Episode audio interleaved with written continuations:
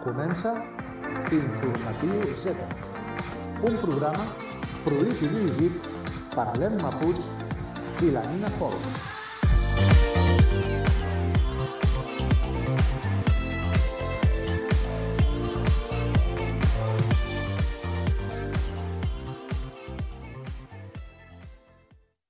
Molt bona tarda i benvinguts una setmana més a l'Informatiu Z, l'informatiu que tracta les mogudes de la, de la generació Z.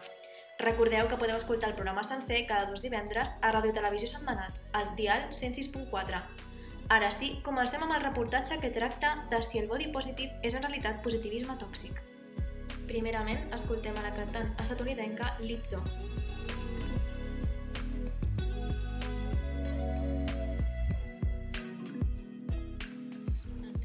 body positive tècnicament només existeix pel body shaming, saps? Crec que la gent hauria de ser body positive per naturalesa i que la positivitat corporal hauria d'estar integrada en la nostra cultura.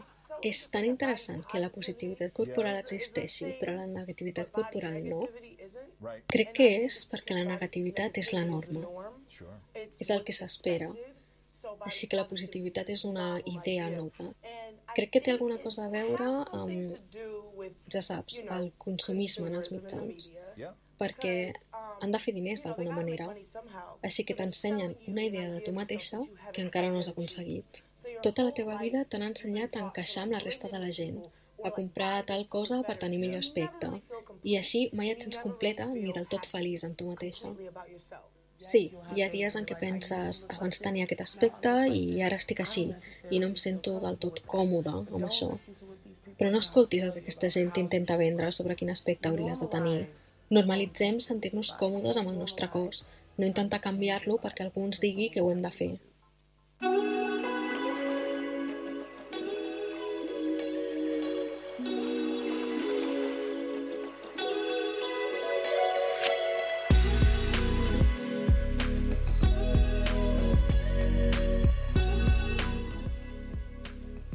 Qui no ha rebut un comentari sobre el seu pes per part de la seva àvia? Us sonen les frases menja, que estàs molt prim, o deixa de menjar, que estàs massa gras. Elles, les nostres àvies, ho feien amb tota la bona fe del món i amb un gran descon desconeixement de l'impacte que poden tenir unes paraules sobre el nostre aspecte físic. El problema ve quan la societat, mitjans de comunicació, publicitat i xarxes socials et diuen que el teu tipus de cos és incorrecte i per tant no pot ser vàlid o vàlida pel teu entorn. Tots estem exposats a continguts i tot tipus de comentaris sobre el nostre físic, però encara ho estan més aquells qui són personatges públics. Les últimes polèmiques provocades pels canvis físics de celebritats han estat els casos de la cantant anglesa Adele i el de la cantant estatunidenca Billie Eilish. L'una per aprimar-se i l'altra per engreixar-se estan vist en el punt de mirar de les crítiques de seguidors i no tan seguidors. Mentre l'Adele la titllaven de traïdora del body positive o positivitat corporal per baixar de pes, a Eilish li qüestionaven el seu estil de vida, el qual han considerat poc saludable. Amb veure les crítiques, els ciutadans anònims que potser s'identifiquen amb els, les corporalitats d'aquestes dues celebritats es senten decebuts amb si mateixos perquè la societat no aprova els seus cossos. Per evitar que l'aspecte físic suposi una decepció per l'individu i per lluitar contra possibles trastorns alimentaris, es fa tan necessari un moviment que defensa la diversitat de cossos, com és el body positive o body positivity. Així ho criticava Eilish al seu curtmetratge Not My Responsibility.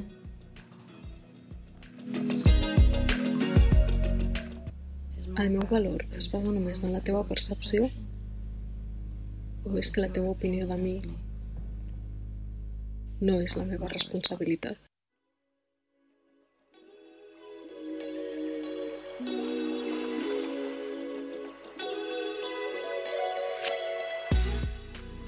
L'experta Jessica Cuinar Horta, a les seves tesis Documenting Femininity, Body Positivity and Female Empowerment on Instagram, explica que el body positive, que podríem traduir com a positivitat corporal, és un moviment social que defensa l'acceptació i la normalització de qualsevol tipus de cos, sense importar la seva forma, el seu tamany o la seva aparença.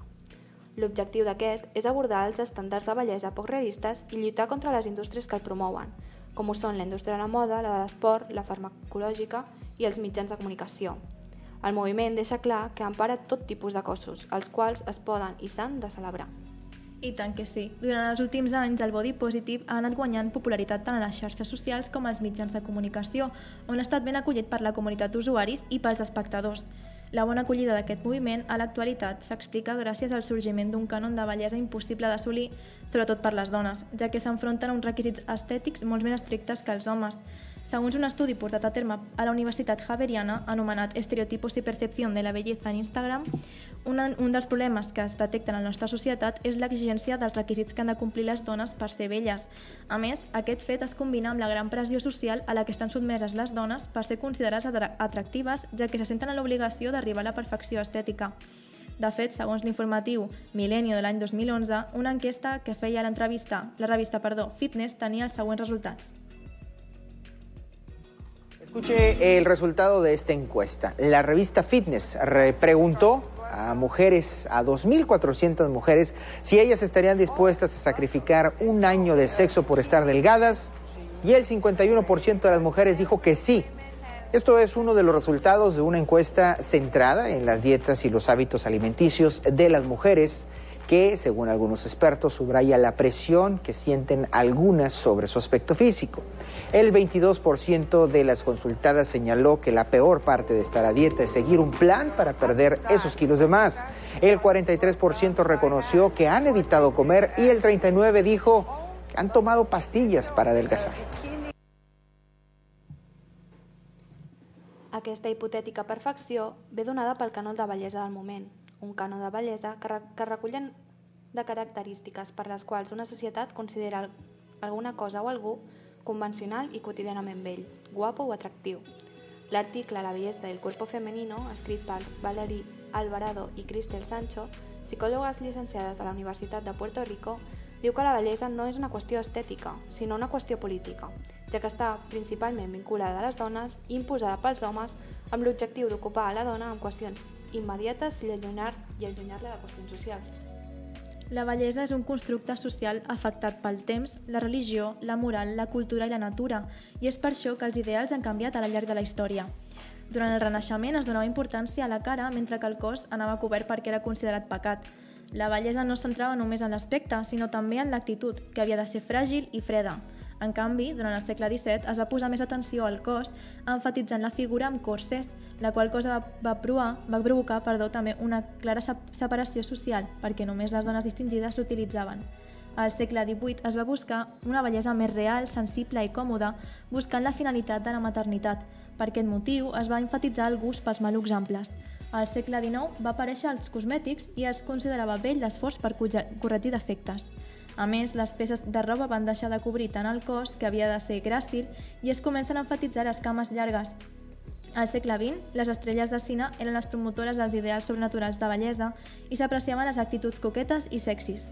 La periodista i youtuber Inés Palacios explica els canvis que ha patit el cànon imposat a la dona. El concepto de la belleza femenina ha cambiado constantemente durante la historia de la humanidad. En la antigua Grecia y en el Renacimiento, una mujer era considerada bella si tenía grandes curvas, con caderas anchas, una piel pálida y brazos gruesos. En los años 20, el concepto de belleza dio un cambio radical. Mujeres con cuerpos muy flacos, caderas delgadas, cejas delineadas y piel depilada eran el modelo a seguir. También depende de la geografía. Actualmente, en Japón, tener los dientes chuecos o colmillos prominentes son sinónimo de belleza, ya que los japoneses aprecian la naturalidad del cuerpo. En Tayikistán, las unicejas gruesas son consideradas un objeto de deseo y en Birmania utilizan anillos para alargar el cuello. Para gustos, colores. Twiggy Larson és una model actiu i, i, i cantant que als 16 anys es va convertir en la principal model juvenil britànica. Destacava pels seus ulls grans, pestanyes llargues, constitució molt prima i cabell curt, i és recordada com la primera top model internacional i com la icona de la moda dels anys 60 i 70. La seva imatge corporal es continua reflectint al model de bellesa que veiem als mitjans de comunicació i a les indústries de moda, sobretot a les passarel·les o botigues com Victoria's Secret. Durant la segona dècada del segle XX, però, els requisits per ser considerat superhot comencen a canviar, i el nou ideal és el cos slim thick, Ara s'aspira a tenir un cos prim amb una cintura minúscula, a la vegada que es tenen unes cuixes i un cul grans, trobant el seu màxim exponent en Kim Kardashian. De fet, la celebritat s'ha convertit en una influència molt important a l'hora de moltejar les nocions de bellesa de les dones joves, mostrant un tipus de corporealitat que barreja els aspectes més valorats de l'aparença de les persones blanques i negres. Al mateix temps, amb les seves proporcions surrealistes, Kim Kardashian promou un ús de bellesa poc natural, que requereix de cirurgia plàstica o Photoshop per poder ser aconseguida. Inés Palacios ens explica algunes de les estadístiques sobre cirugía estètica. La Sociedad Americana de Cirujanos Plásticos reveló que casi 18 millones de personas se sometieron a estos procedimientos en 2018, es decir, casi un cuarto de millón de procedimientos más que en 2017. 18 millones de personas inconformes con su cuerpo. Esta misma organización publicó los resultados de una encuesta que buscaba saber qué nos motiva a realizarnos cirugías estéticas. Los hallazgos mostraron que las mujeres que calificaron su autoestima, su satisfacción con la vida y su atractivo con una baja calificación y que además estaban más expuestas a los medios de comunicación, eran más propensas a someterse a una cirugía estética. Y adivinen cuáles son las operaciones más demandadas. En primer lugar, el aumento de senos, a lo que le sigue la liposucción y la remodelación de nariz. Para luego, la cirugía de párpados y por último, el abdomen plano. Y si pensaban que esta tendencia era única de las mujeres, pues se equivocan. Cada vez se reportan más casos de hombres que recurren a estas operaciones. Los estereotipos de belleza no distinguen género ni edad.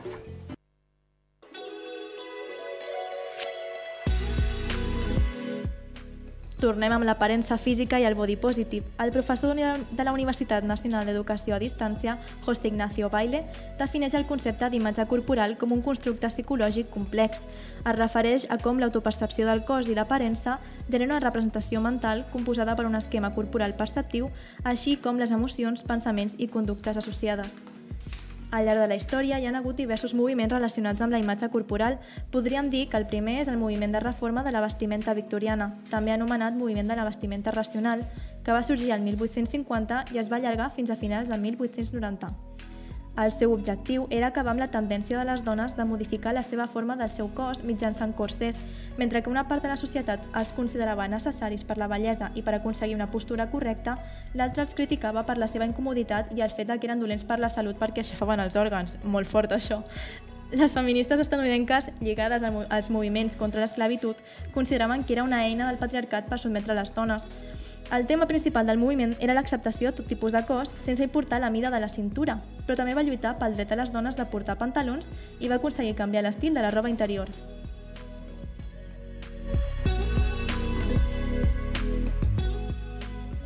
Tot i així, el que es considera la primera onada de body positive sorgeix al 1960, amb els moviments de protesta contra la discriminació cap al greix. Gràcies a, l'autor Lew Loderbach, que va escriure l'assaig More People Should Be Fat, on explicava la discriminació que havia patit la seva esposa pel seu volum, va néixer un moviment amb l'objectiu de corregir la vergonya i la creença de que estar gras sempre significa ser poc saludable. Això va inspirar, inspirar la creació de l'Associació Nacional per promoure l'acceptació del greix, creada per Bill Fabrey, el 1969, amb l'objectiu d'acabar amb la discriminació basada en el pes corporal i difondre la diferència entre estar gras i ser obès no saludable.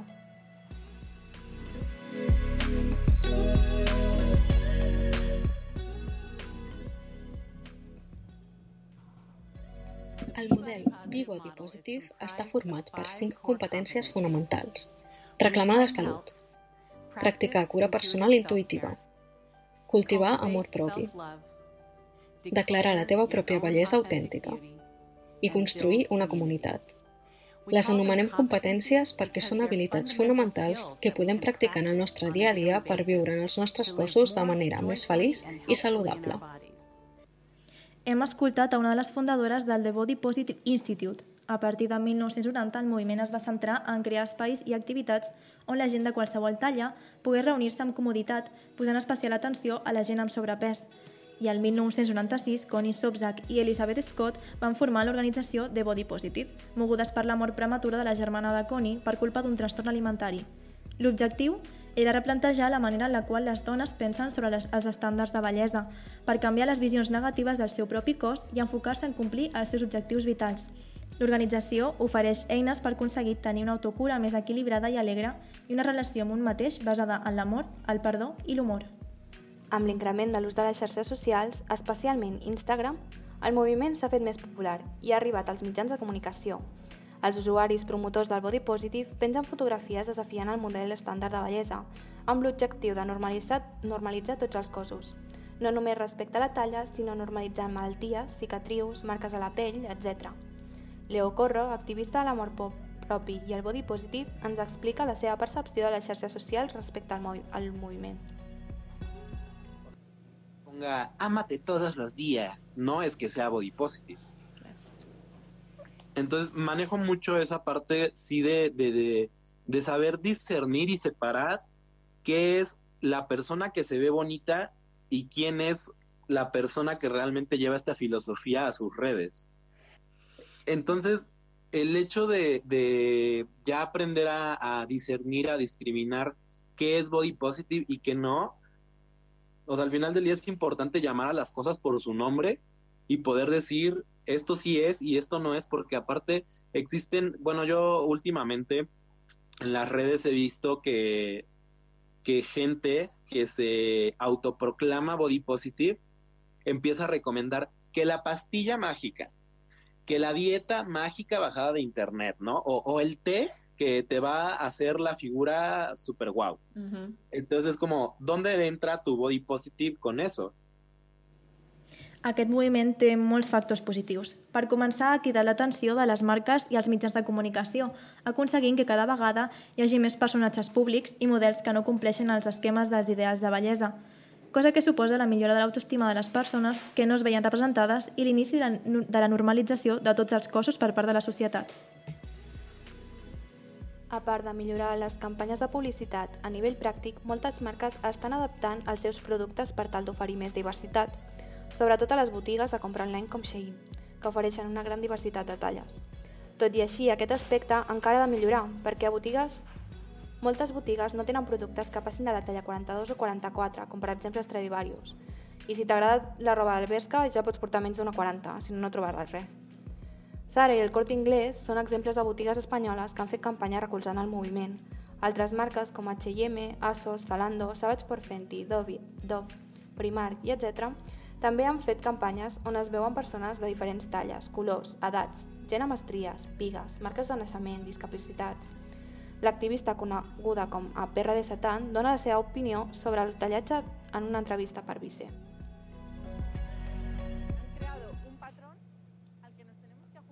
Nosotras. En vez de que la ropa se ajuste a ti, Ajá. tú tienes que esforzarte por entrar ahí. Al final, si tú consigues salir de la tienda con una bolsa, has comprado la satisfacción de entrar en un vestido. Quina jefa, la perra de Satan. Ens encanta el seu nom. Yes. Els mitjans també es fan ressò del moviment i donen veu o recomanen influencers que parlen sobre el tema, com Perra de Satan. Això ajuda a la gent a descobrir el moviment i identificar-se amb persones que potser online no haurien conegut. De fet, ja hi ha molts partidaris del body positive que fan les campanyes a través d'internet i que has de seguir per tal de conèixer el seu treball. Un exemple és la desfilada de All Size Catwalk, la passarel·la de totes les talles, creada per la modela curvy francesa Georgia Stein, que ha celebrat la seva quarta edició aquest setembre. Amb l'objectiu de demanar més varietat a les marques d'alta costura, models amb complexions molt diferents passegen per davant de la Torre Eiffel a la ciutat de la moda. Podem comprovar que el moviment té efecte perquè la desfilada primavera-estiu de 2021 Versace ha inclòs tres models de talles grans. Una de les models curvis més conegudes al moment, Tess Holiday, explica en una entrevista com ha augmentat la seva fama gràcies a les xarxes socials. La meva carrera va canviar per les xarxes socials. Definitivament no estaria aquí asseguda si no fos per les xarxes socials. Els meus seguidors van créixer accidentalment gràcies a la meva transparència i perquè comparteixo les meves experiències. I em vaig adonar que la gent aprecia l'autenticitat. Aquesta Fashion Week camino per Cromat. És la primera vegada que camino per un gran dissenyador durant la Fashion Week de Nova York i estic molt emocionada perquè és un espectacle molt divers. Han creado un patrón el moviment també ha portat a que influencers més estandarditzades del món de la moda facin campanyes on parlin dels seus complexes o pengin fotografies sense maquillatge o filtres, per tal d'ensenyar la realitat de la seva imatge. Això és una manera de trencar amb la idealització de les fotos que veiem per les xarxes. Per exemple, la model i activista anglesa Lou Northcott va començar la campanya Free the Pimple, on mostra fotografies de la seva pell real sense tapar els granets. Tot i que el body positive en principi presenti, es presenti com un moviment beneficiós per la societat, hi ha certs aspectes que són qüestionats pels sectors que es posicionen en contra de la corrent. L'argument més utilitzat per criticar l'acceptació de tots els cossos és que promouen hàbits alimentaris poc saludables i s'idealitzen els cossos amb obesitat. És curiós com el body positive mostra respecte a tot tipus de cossos, des dels més prims fins als més grassos, però que els únics que suscitin polèmica siguin els del segon grup. En fi, que seamos tan reactivos y tan poco proactivos, como diría el gran Stephen Covey, culpando al entorno de lo que nos pasa a nosotros, cuando lo que pasa en realidad es que no hemos desarrollado el carácter necesario para actuar de manera disciplinada y conseguir efectuar los cambios que deseamos en nuestras vidas. Es fácil escuchar excusas como, ah, yo es que engordo pero apenas como y como súper sano. O por ejemplo, gente que dice que no dispone de 30 minutos al día para hacer ejercicio, eh, pero que se pasa dos horas al día viendo series o, o en las redes sociales. Claro, pues bueno, este es uno de los principales motivos por los que no avanzamos como sociedad. Porque no somos realistas. Estamos más preocupados de recibir la aceptación del exterior que de nuestra propia autorrealización como personas. Y antes de que alguien me venga con la falacia de que hay personas que son obesas pero son por otras causas y que se cuidan pero que retienen líquidos o que su metabolismo no asimila según qué alimentos y tal, vale, sé que existen este tipo de casos, eh, sé que es verdad, pero no vengáis a no me los pongáis como ejemplo porque son casos aislados nuevamente y, no me los utilicéis como ejemplo para defender algo que afecta cada vez a más personas en Occidente.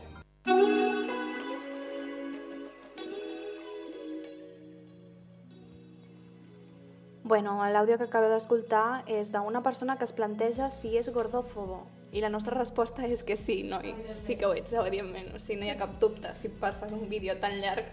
Això és un fragment curt d'un vídeo d'uns 20 minuts. Però bueno, ahí lo dejamos, chico. El moviment també ha portat a que influències més estandarditzades, ui, els seguidors del body positive, troben que la preocupació sobre la salut de la gent grassa parteix de la presumpció que per estar sa s'ha d'estar prim, quan en realitat només el físic d'una persona no et pot indicar el seu estat de salut. Des del moviment també es creu que aquest argument mèdic només és utilitzat per ocultar la gordofòbia latent a la nostra societat. La youtuber amb el canal No tan femenina dona resposta a les persones que pensen com en l'àudio anterior. Que yo, por hacer mis videos y por existir y por no frenarme de subir mis fotos a Instagram donde me veo perrísima, si piensas que por eso yo estoy promoviendo la obesidad, déjame decirte que sí. La verdad es que yo quiero formar un ejército de gordas y que dominemos el mundo algún día con nuestras lonjas. No mames, obviamente no. Que no. Quiero que algo se entienda. El body positive se llama body positive, no obesidad positivo, no gordas positive. El body positive es para todas las personas, no es nada más para las gordas.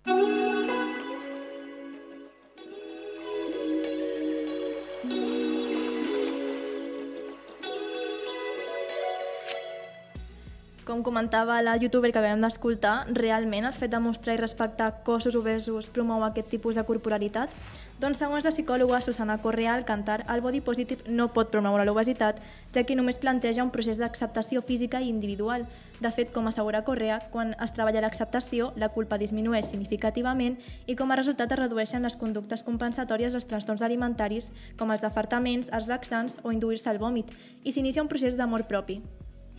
Gràcies als missatges de positivitat corporal i a la representació de diferents tipus de cossos, la relació de certes persones amb el menjar millora. Es superen traumes desencadenats per la conducta alimentària, es disminueix l'ansietat del menjar i es modifica la idea que existeix un menjar bo i un dolent, i que hi ha un pes bo i un altre dolent. D'aquesta manera s'inicia un, un procés pel qual les persones comencen a entendre que valen per qui són i no pel seu físic, i que a més són dignes de respecte i amor pel simple fet de ser persones.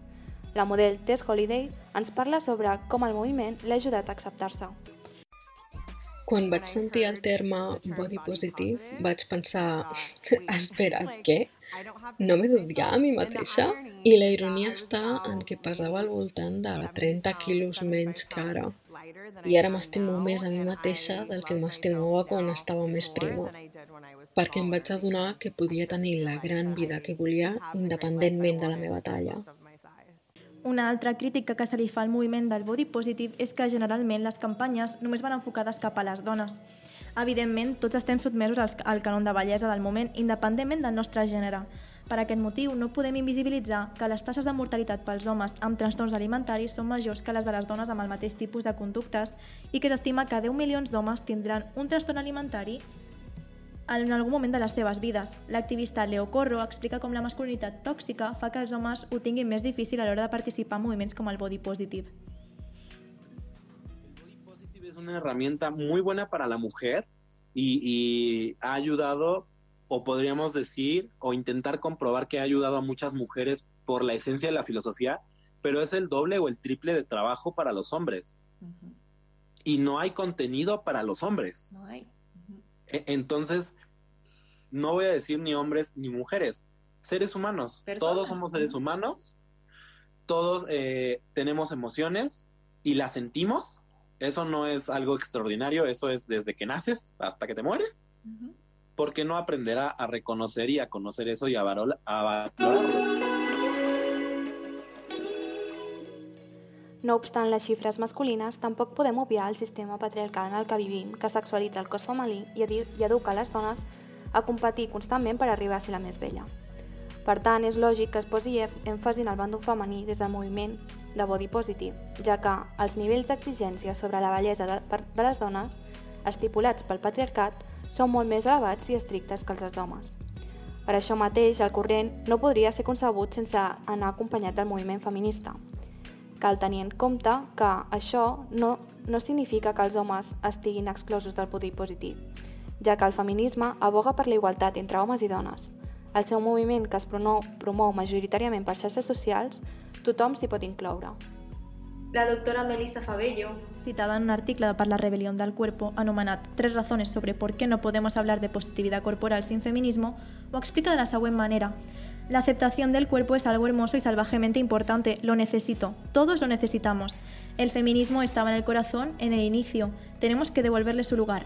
La positividad corporal no nos va a hacer ningún bien si no la mantenemos feminista, interseccional y radical.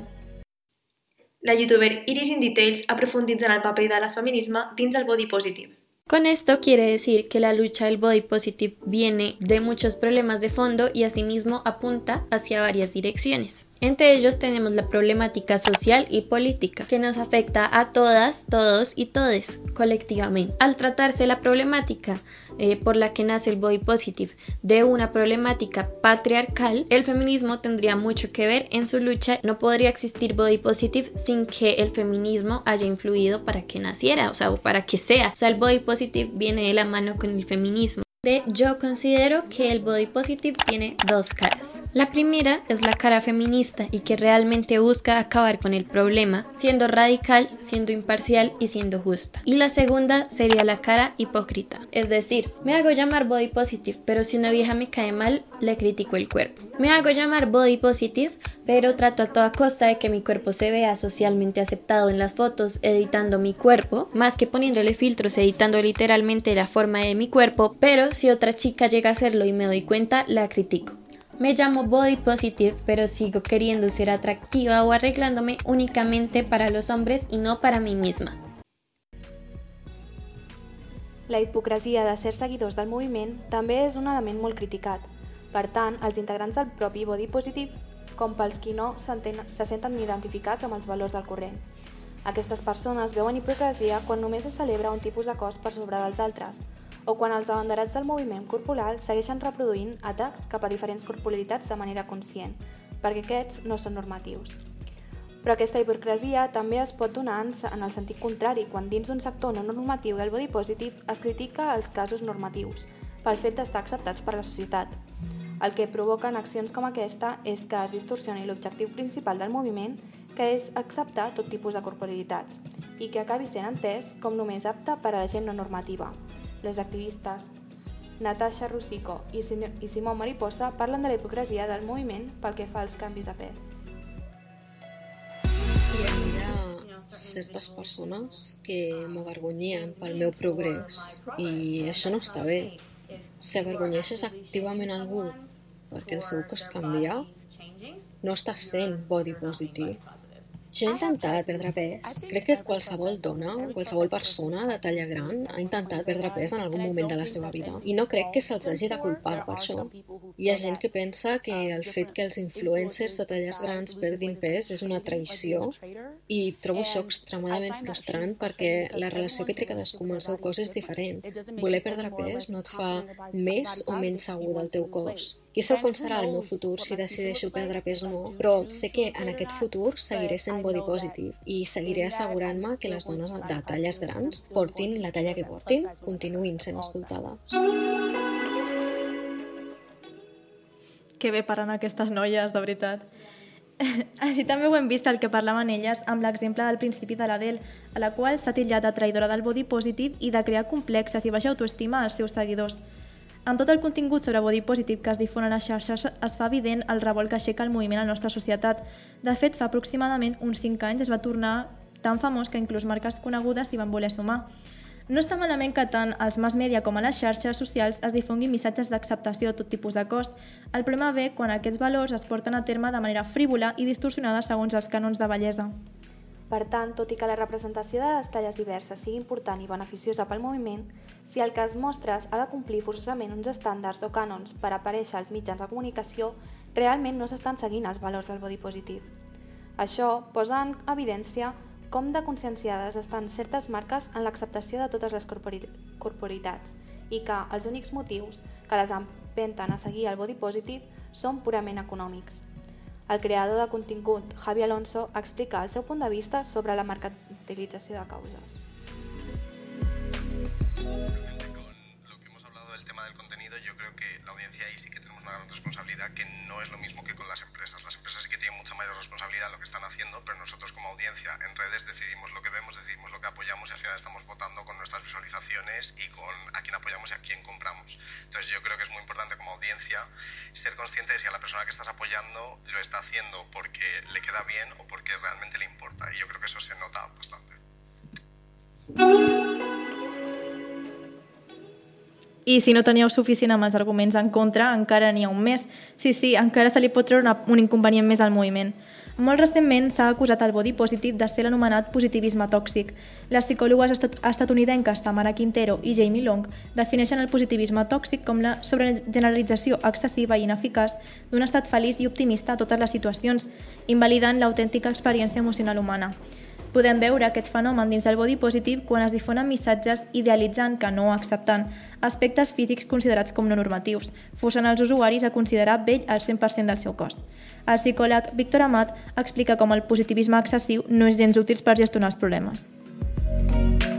Yo estoy estupenda, estupenda de la muerte. Y pienso súper positiva, estoy positiva. ¿Sí? Yo estoy estupenda de la muerte y empiezo a tener pensamientos negativos y me quedo negativa. Yo me siento mal, estoy sufriendo y estoy negativa e intento pensar pensamientos positivos, ¿cómo me quedo? Entonces tenemos la paradoja final. Como en las matemáticas, cuando multiplicamos un número negativo por otro número negativo, ¿qué obtenemos? Un número positivo. Va a pasar lo mismo con este tipo de personas. Ah, porque yo estoy muy nerviosa. Pues sigue nerviosa, hija mía. Funciona mucho mejor. Es que tengo que hacer la TED y estoy nerviosa porque no sé si me acordaré. Bueno, olvídate de algo. Vete para allá con todos tus nervios. Incluso anuncia la dificultad. Es posible que en medio de la conferencia me quede en blanco y me desmaye, pero ustedes no se preocupen que antes de que pasen los 15 minutos me levantaré y acabaré la conferencia.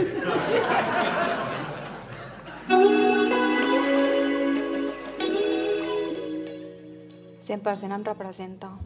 Així mateix queda clara la perspectiva que utilitza el body positive per defensar la validesa dels diferents cossos, la qual es basa en la bellesa dels mateixos. És a dir, que, indirectament, dient que els trets no normatius del teu cos són bells, et transmet la idea de que has de veure bellesa en tot i que, sense bellesa, no pot ser vàlid. Per tant, de nou, trobem el missatge que l'únic motiu pel qual ens han de valorar és pel nostre atractiu i no per les nostres capacitats. La periodista Elena Rugermore, que treballa al mitjà Cuell i Largo, ens explica la problemàtica del body positive. llegó cuando vi que esta aceptación de los cuerpos por parte del movimiento Body Positive partía de unos fundamentos que no me parecen del todo sanos. Creo que para decir que todos los cuerpos son válidos no es necesario decir que todos los cuerpos son bellos y que promover la idea de que todos los cuerpos son bellos en todos sus aspectos y todos sus ángulos es poner el foco principal del objetivo en la belleza. Com a alternativa a la positivitat corporal, el 2015 va sorgir el terme body neutral, que també defensa la visibilitat de cossos reals, però amb una perspectiva neutra, sense estigmatitzar els cossos, acceptant-los com són, sense obligar-nos a estimar-los. Aquest terme va guanyar popularitat el 2017 quan l'entrenadora personal Anne Poirier el va començar a utilitzar als seus programes. La crítica que fa aquest moviment és que si ens autoconvencem que estimem el nostre cos i ens ho repetim cada dia, el dia que no ens sentim així, ens pot causar problemes de salut mental com serien l'estrès, l'ansietat o la depressió. La psicoterapeuta Alison Stone apunta que obsessionant-nos en com ens veiem i sent crítics a nosaltres mateixos gastem molta energia mental i deixem de gaudir de molts moments. En canvi, si simplement acceptem que el nostre cos és normal i real, podem centrar-nos en altres coses. Nosaltres considerem que el body positive és un moviment que ens ajuda a les persones a tenir una millor autoestima, creat per aconseguir l'acceptació de tota mena de cossos, ja sigui per un mateix, per la societat en general i pel mercat, i per aquesta raó les seves avantatges són enormes. Per una altra banda, no creiem que faci promoció de l'obesitat, de la mateixa manera que quan una persona amb una discapacitat, acceptant-se a si mateixa, penja una foto, posem per exemple sense una extremitat, no està fent promoció de perdre una part del teu cos, sinó que anima les persones a que tenen cossos no normatius a acceptar-se i no posar-se um, i no tenir por de no estar en la norma i intentar disminuir els problemes psicològics que crea l'existència d'un cànon de bellesa. A més, per si algú no ho tenia clar, la gent amb obesitat és conscient del, del seu estat i els problemes que causa aquesta malaltia i ha de treballar amb el que comporta. I no necessiten el teu comentari de merda, de veritat. Per això el que demana el moviment és que no es transmetin missatges d'odi o fàstic cap a aquestes persones, sinó que se les recolzi. Què més? A més, estar gras i tenir obesitat són coses diferents i hem d'aprendre a distingir-les perquè un cos gras pot estar perfectament sa. Dit això, sí que és veritat que el moviment es pot portar als extrems. Des d'un inici, els creadors del The Body Positive buscaven l'acceptació de tota classe de cossos, inclús els normatius, però hi ha persones que per tal de recolzar els cossos no normatius fa comentaris d'odi cap als canònics. I això va totalment en contra de l'ideal del moviment. D'aquesta manera també entenem que el body positive no pot anar separat del feminisme, ja que we're all in this together, com deien a High School Musical.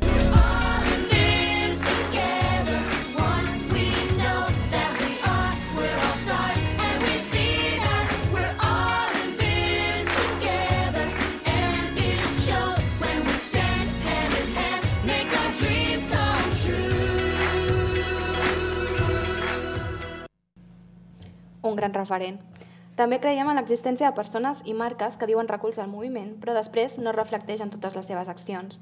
En un sistema de mercat on constantment et venen productes o serveis per millorar la teva imatge per tal de tenir guanys econòmics, difícilment canviarem els cànons en poc temps.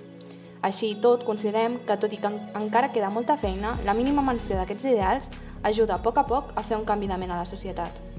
Pel que fa al moviment body neutral, és igual d'efectiu i menys romàntic ja que elimina la necessitat que tot sigui vell i ho substitueix per l'acceptació de tots els cossos per la seva validesa.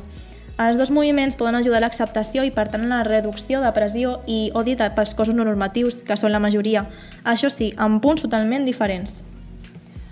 Tot i que podríem entrar en moltes més coses sobre el moviment, les implicacions que ens queda i les seves implicacions ens quedem sense temps i voleu saber, volem saber què penseu vosaltres sobre el tema. Ens podeu deixar les vostres respostes per Twitter o per Instagram a l'informatiu Z, tot junt. Nosaltres acabem aquí i us desitgem una bona setmana. Eh, a més a més, aprofitem per donar les gràcies a la Laura, que ens ha traduït tots els àudios en anglès perquè sigui més fàcil d'entendre per tothom. Ets la millor tia. Yes. I bueno, fins aquí el programa d'avui. Ciao, Ciao amigues, amigues, i molt, molt bona, bona tarda. tarda.